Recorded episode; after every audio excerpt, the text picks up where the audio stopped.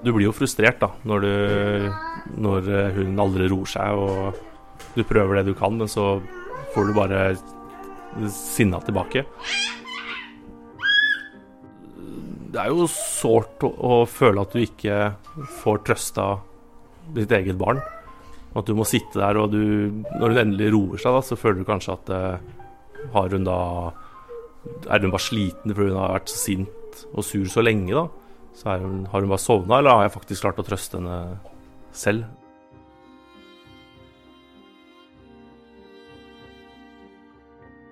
Trøst er enkle greier, tenkte jeg. Eh, en klapp og en kos, og dette går bra. Men du, Hedvig Montgomery, påstår at det ikke er så enkelt. Så da må jeg spørre, hva er det som er så komplisert med trøst? Og det er ikke det at trøst er så vanskelig, ah, det er bare det at trøst er så ekstremt viktig. Trøst er på mange måter den superkraften vi mennesker har for å gjøre livet bedre for hverandre. Og trøst er den superkraften vi foreldre har, som kan vise barna våre både at verden er et ålreit sted, og at de er verdt å ha det bra. At de har en høy verdi. Så trøst er kanskje et av de viktigste temaene for foreldre. Ja, og det begynner jo ekstremt tidlig dette her, gjør det ikke? Altså jeg må si at Alle som har fått sin første nyfødte hjem, de er ofte litt stille de første døgnet, akkurat nok til at når du kommer hjem fra sykehuset, så begynner gråten. Og barnegråten er den første uttrykket barnet har. Og signalet barna kommer med når de gråter, er jo ikke til å gå glipp av. Det er ta meg opp, ta meg opp, ta meg opp, og du blir helt gal av barnegråt. Grunnen til at barnegråt er så effektivt, er nettopp fordi vi er så avhengig av trøst når vi er så små som det babyene er. De trenger å bli tatt opp, de trenger å få hjelp med det de ikke får til selv, for de får ikke hjelp til noen ting. Og de trenger nettopp denne beskjeden. Jeg er her for deg, og du er verdt å få den trøsten jeg kan gi deg. Så barnegråten er så frustrerende for nybakte foreldre, for man er ikke forberedt på den der lydveggen som kommer i starten. Men den lydveggen er der av en veldig veldig god grunn, nemlig én, at barna ikke har noen annen måte å uttrykke seg på, og to, fordi de helt på ekte trenger det de ber om, nemlig noen som tar ansvar og hjelper dem videre når ting er vanskelig for dem. Så ja, jeg må jo bare si at trøsten kommer jo tidlig inn i foreldrehverdagen, og vi vet jo én ting, og det er at denne, dette første året har en veldig spesiell funksjon når det kommer til tilknytning, altså båndene mellom foreldre og barn. For det er i, denne, i dette første året så er virkelig trøsten det, eh, det sterkeste delen av det båndet. Etterpå så kommer det inn andre deler, som det å være flokk, som det å hjelpe barnet med å forstå og håndtere egne følelser. Men trøsten er faktisk det første vi får inn som knytter oss til barna våre, og det første som gjør at barna våre knytter seg til oss. Hvem blir vi for barna når vi trøster dem da? Eller hva? Når du plukker opp det lille barnet som har slått seg og trenger å få blåst på det såret, eller det litt større barnet som uh, har mistet viskelæret sitt og er umåtelig lei seg for det, eller det enda større barnet som uh, ikke har fått melding tilbake fra den han var forelska i. Hver gang du trøster barnet, så viser du noen ting om at 'jeg er her for deg, og du kan komme til meg'. Du gjør deg til det stedet som barnet kan komme når livet er vanskelig. Og det er kjærlighet. Ja, så er man jo i de helt første leveårene er man jo veldig sånn nær og, og dillete. Men så blir man kanskje gradvis mindre dillete og tar litt lettere på det. Men det er også feil eh, metode, da skjønner jeg, eller? Altså For å si det sånn, jeg tenker jo ikke at trøst er dilling. Det som blir dilling, er når du ikke, trøsten ikke virker, altså når du ikke er en effektiv trøster. For hvis du er en effektiv trøster, så får du jo til å trøste. Og da går jo gråtingen over. Hvis du er en effektiv trøster, så får jo barnet det bedre etter at det skrubbsåret har kommet, eller den kjærlighetssorgen har kommet. Så effektiv trøsting er ikke dilling. Det er ineffektiv trøsting som er dilling. Skjønner? Jeg skjønner. Eh, og effektiv trøsting, det trenger vi mennesker absolutt gjennom hele livet. Så dette er noe jeg tenker man skal ta på alvor hele oppveksten og i hele foreldreskapet. Hva er det du trenger trøst for nå? Hva er det som gjør at du trenger å komme inntil meg nå? Hva er det du trenger for å komme videre i denne situasjonen? Det er noe av det vi mennesker trenger hele veien, og som barn må få fra sine nærmeste voksne. Men si litt mer om hva som er effektiv trøsting. For at den opp igjen, eh, kom igjen, opp igjen-stilen eh, når barna slår seg eller får en nedtur, eh, den litt sånn enkle på hælen, det er nettopp det da. For enkelt, har jeg skjønt. Ja, altså nå må jeg bare si, noen ganger så funker jo det, og da er jo det trøst. Ja. Eh, mens ganske ofte så gjør det ikke det.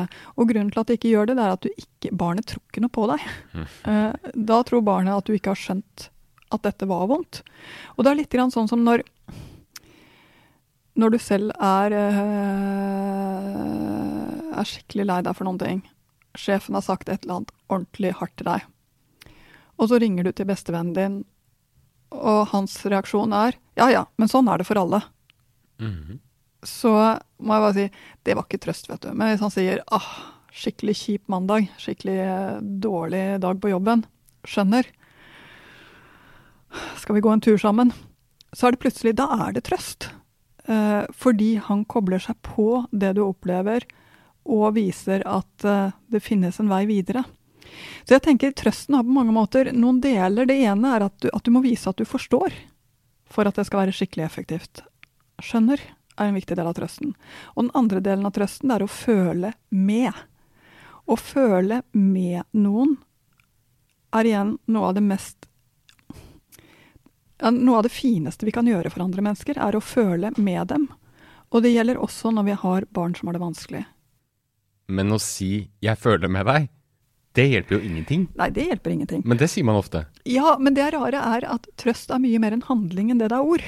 Eh, og kanskje er det derfor det er blitt så tullete for oss i moderne tider, hvor vi snakker så mye. For av og til snakker vi jo i hjel vår egen trøst. Uh, hva er en god trøst? En god trøst er et fang å krabbe opp på. En god trøst er en tekopp i hånden.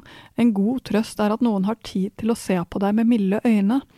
Og i en tid hvor, hvor man ofte ikke har den tiden til å bli sett, til å se på milde øyne, eller ja, de rommene der, så blir det også veldig lite rom for trøst.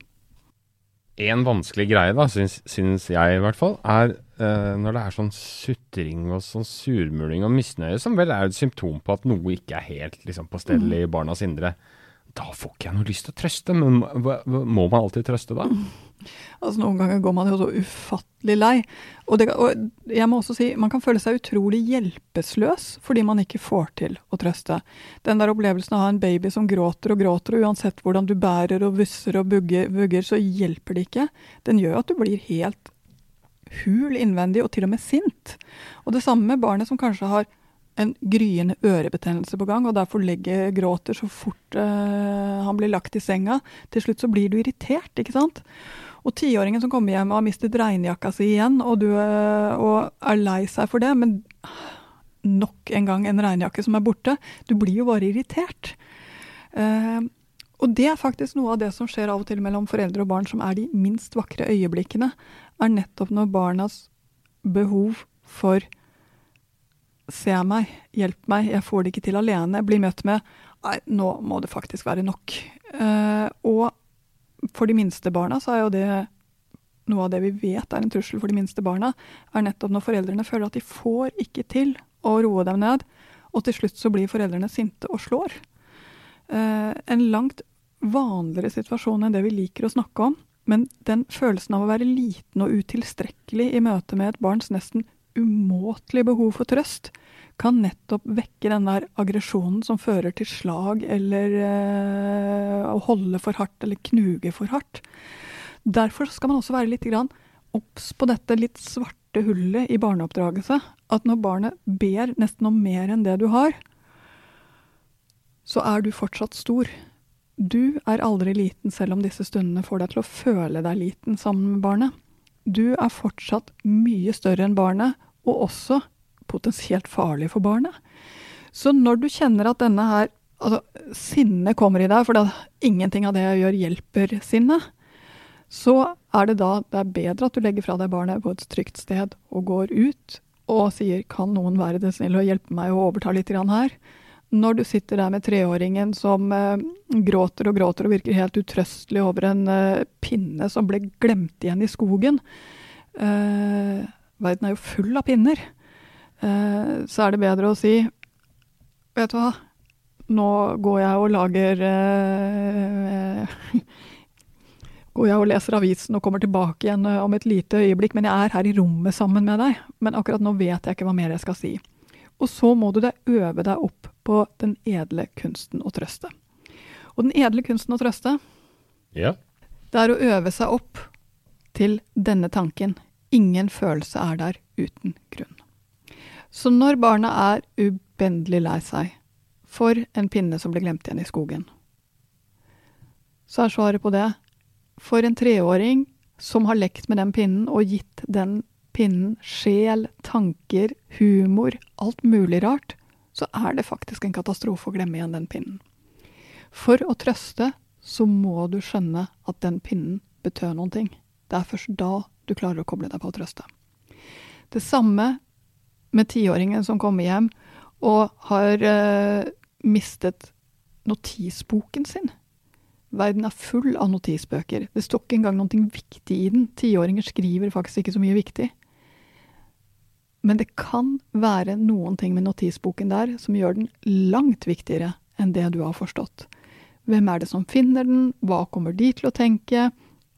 Kanskje hadde hun skrevet ned noen ting som hun likte spesielt godt, kanskje var det en fin tegning der. Du må først skjønne at akkurat nå så er dette viktig for å kunne nå frem. Og du kan tenke det samme med 14-åringen som er så fra seg for at hårlengden er feil, øyenvippene brakk da hun brukte vippetangen. Altså det er helt utrolig hva en 14-åring kan oppfatte som en katastrofe av bibelsk format. Vit at akkurat der og da så er det ille, men at det kommer til å gå over.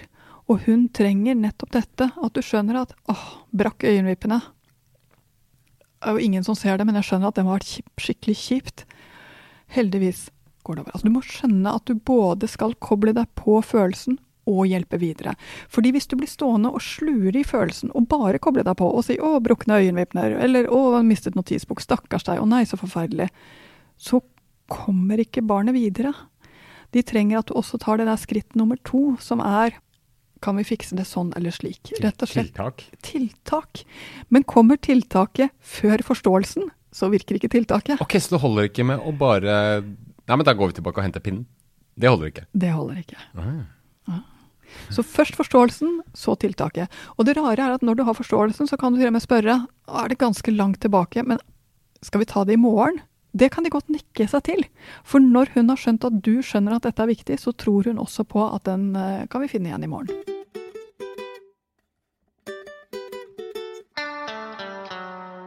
Jeg tenker som så, det kan vel ikke være sunt å trøste for mye heller? Hva er det man eventuelt ikke trenger å trøste så mye for? Ikke sant? For du kommer jo til et punkt hvor du tenker nå bare breler jeg, nå blir det bare eh, sånn mer av det samme. Her tror jeg du skal være klar over en ting. Det er at når barna blir større, så kan du mye, være mye mer konstruktiv etter hvert. Det vil si, si åh, skjønner, alle de andre gikk hjem til uh, Tina, og du fikk ikke lov til å være med. Vondt. Vondt. Men det må jo også ha vært noen ting du gjorde.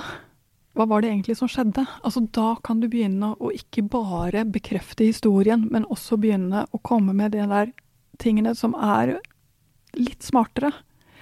Så jo eldre barna Altså, de minste barna er lette. Det er bare å ta på fanget og finne. Noen vil bli holdt, noen vil bli eh, blåst på, få blåst på såret, andre vil ikke det. Noen vil bli snakket beroligende til, andre trenger å være litt for seg selv. Altså, Der trenger du bare å finne ut hvordan fungerer barna akkurat nå. Men med de litt større barna så må du koble på hjernen og begynne å bli litt smartere. Fordi da er det ikke nok å bare møte følelsen og si at det går over. Du må også vise hva det er for noe i denne situasjonen som er å lære av. Så jo eldre barnet blir, jo mer krever de egentlig av deg for å være en god trøster. For 14-åringen så er det ikke nok at du bare syns synd på. Du må synes synd på å være konstruktiv.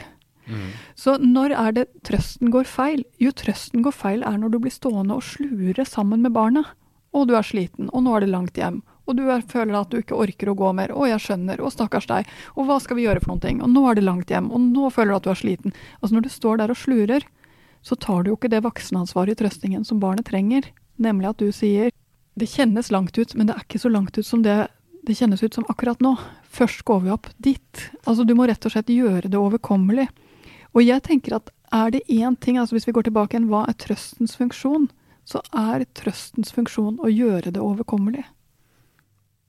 Men når begynner de å tåle litt uh, hva skal man si, motforestillinger? Altså at jo, jeg hører du sier dette skjedde, men var det noe som skjedde på for, til dette her? Var det, var det, gjorde du noe? Altså, er det ja, altså Jeg tror det viktigste her er bli, at barna blir vant til at dere snakker sammen om slike ting. Mm.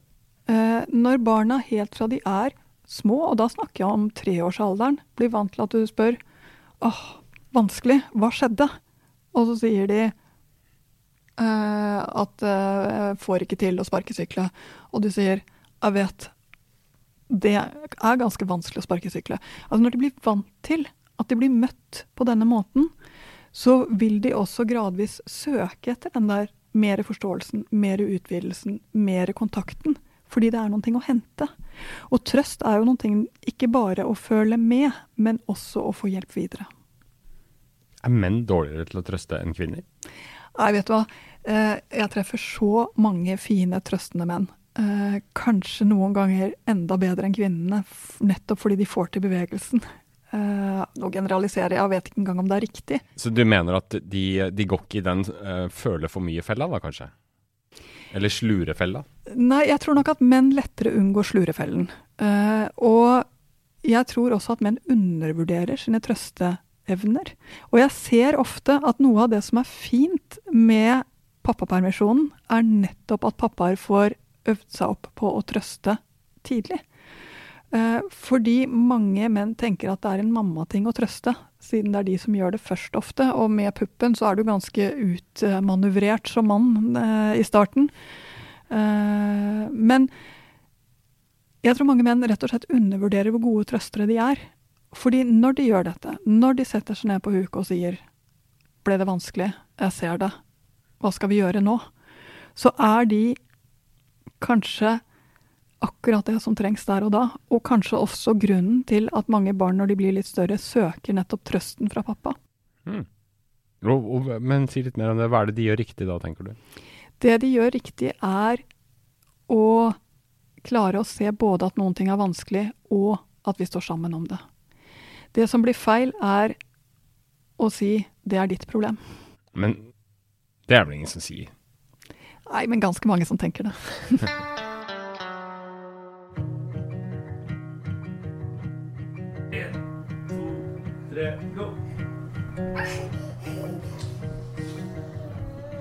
Hun satte seg opp i senga, og så begynte hun bare å rope.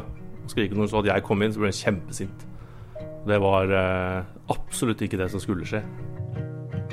Jeg heter Kim Skogvold og er pappaen til Nord på nå snart to og et halvt.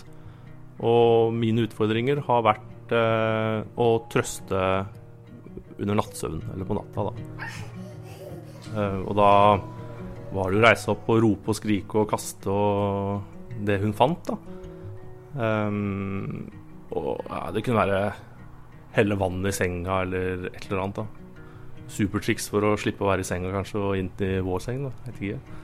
Det endte jo opp med at jeg satt der, og, og Stine da forberedte Nord på at og, i natt så kommer pappa inn. Og um, da gjorde vi jo det. Og jeg kom inn og fortalte at uh, nå ligger mamma og sover. Og nå er det pappa som er her. Jeg la meg litt oppi senga sammen med henne. Uh, for at hun skulle få den nærheten hun kanskje var litt vant til. da. For det er jo det Stine gjorde, la seg oppi senga sammen med henne. Uh, så jeg prøvde å imitere det så mye som mulig. Uh, så endte det med at jeg etter hvert da trakk meg lenger og lenger unna. Hvis det skulle være noe om natta nå, så sitter jeg bare ved siden av henne til hun roer seg. da Får hun en klem og litt sånn. Så er vel egentlig mest opptatt av at noen er der, tror jeg. Jeg, jeg ble jo veldig glad når jeg merker at eh, jeg også kan trøste. Det har jo hele veien vært Stine som har stått for den trøsten. Uh, og det er vel sikkert naturlig for de får et annet bånd, de to, enn det vi gjør. Med den ammingen og den kosen der. Uh, så det føles jo veldig godt når, det, når endelig jeg fikk det til også, da.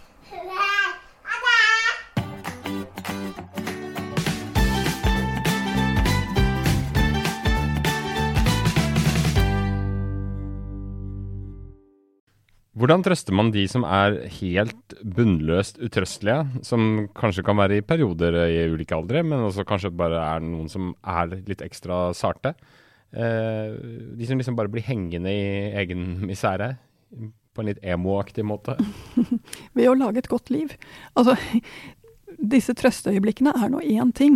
Eh, men hvis et barn ikke har det bra, så må vi jo faktisk se på hva det er.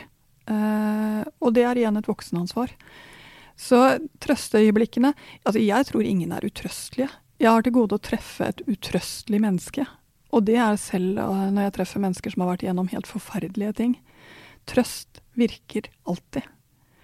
Men noen ganger så har vi ikke skjønt hva vi trøster for, eller vi har ikke skjønt hvor, uh, hva dette barnet trenger nå. Da vil det virke utrøstelig. I hvilke aldre er barn, eventuelt voksne, uh, vanskeligst å trøste? Jeg holdt på å si vel at middelaldrende menn stiller i en egen klasse her. Eh, men det tror jeg faktisk ikke er sant heller. Nei, vet du hva?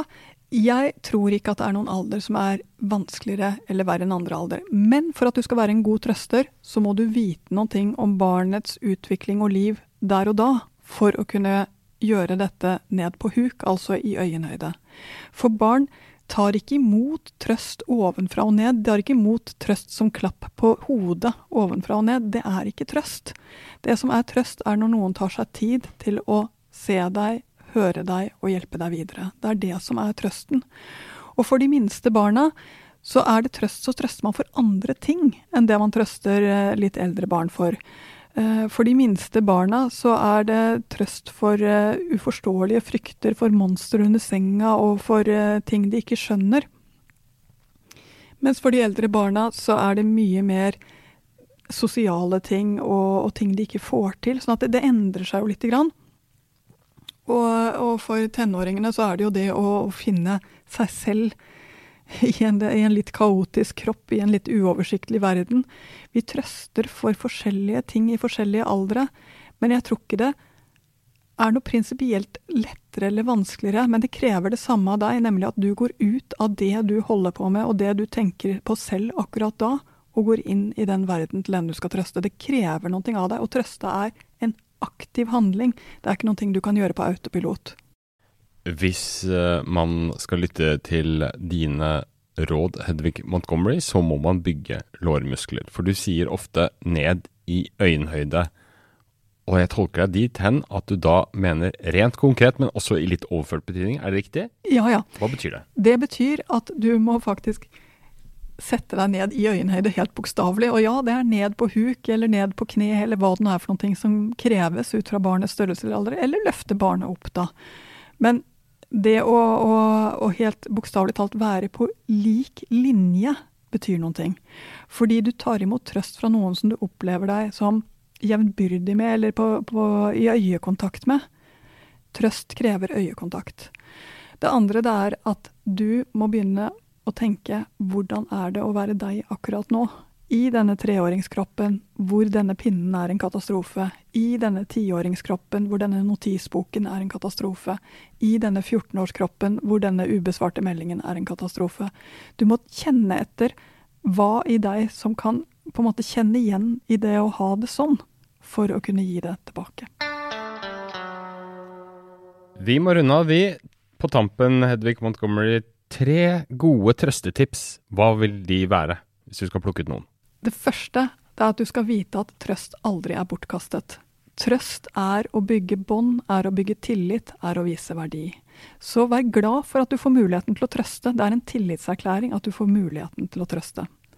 Det andre, det er når noen har det vondt, så er det alltid en grunn. Vit at det er en grunn, selv om du ikke alltid skjønner den og ikke alltid har sett den. Og for det tredje, finn ut dette barnets, knekk dette barnets trøstekode akkurat nå. Om det er en kopp kakao og litt ekstra tid, eller om det er å få lov til å prate, eller om det er en klem, det varierer litt, både med alder og med situasjon. Men det finnes alltid en nøkkel som passer i den trøstelåsen.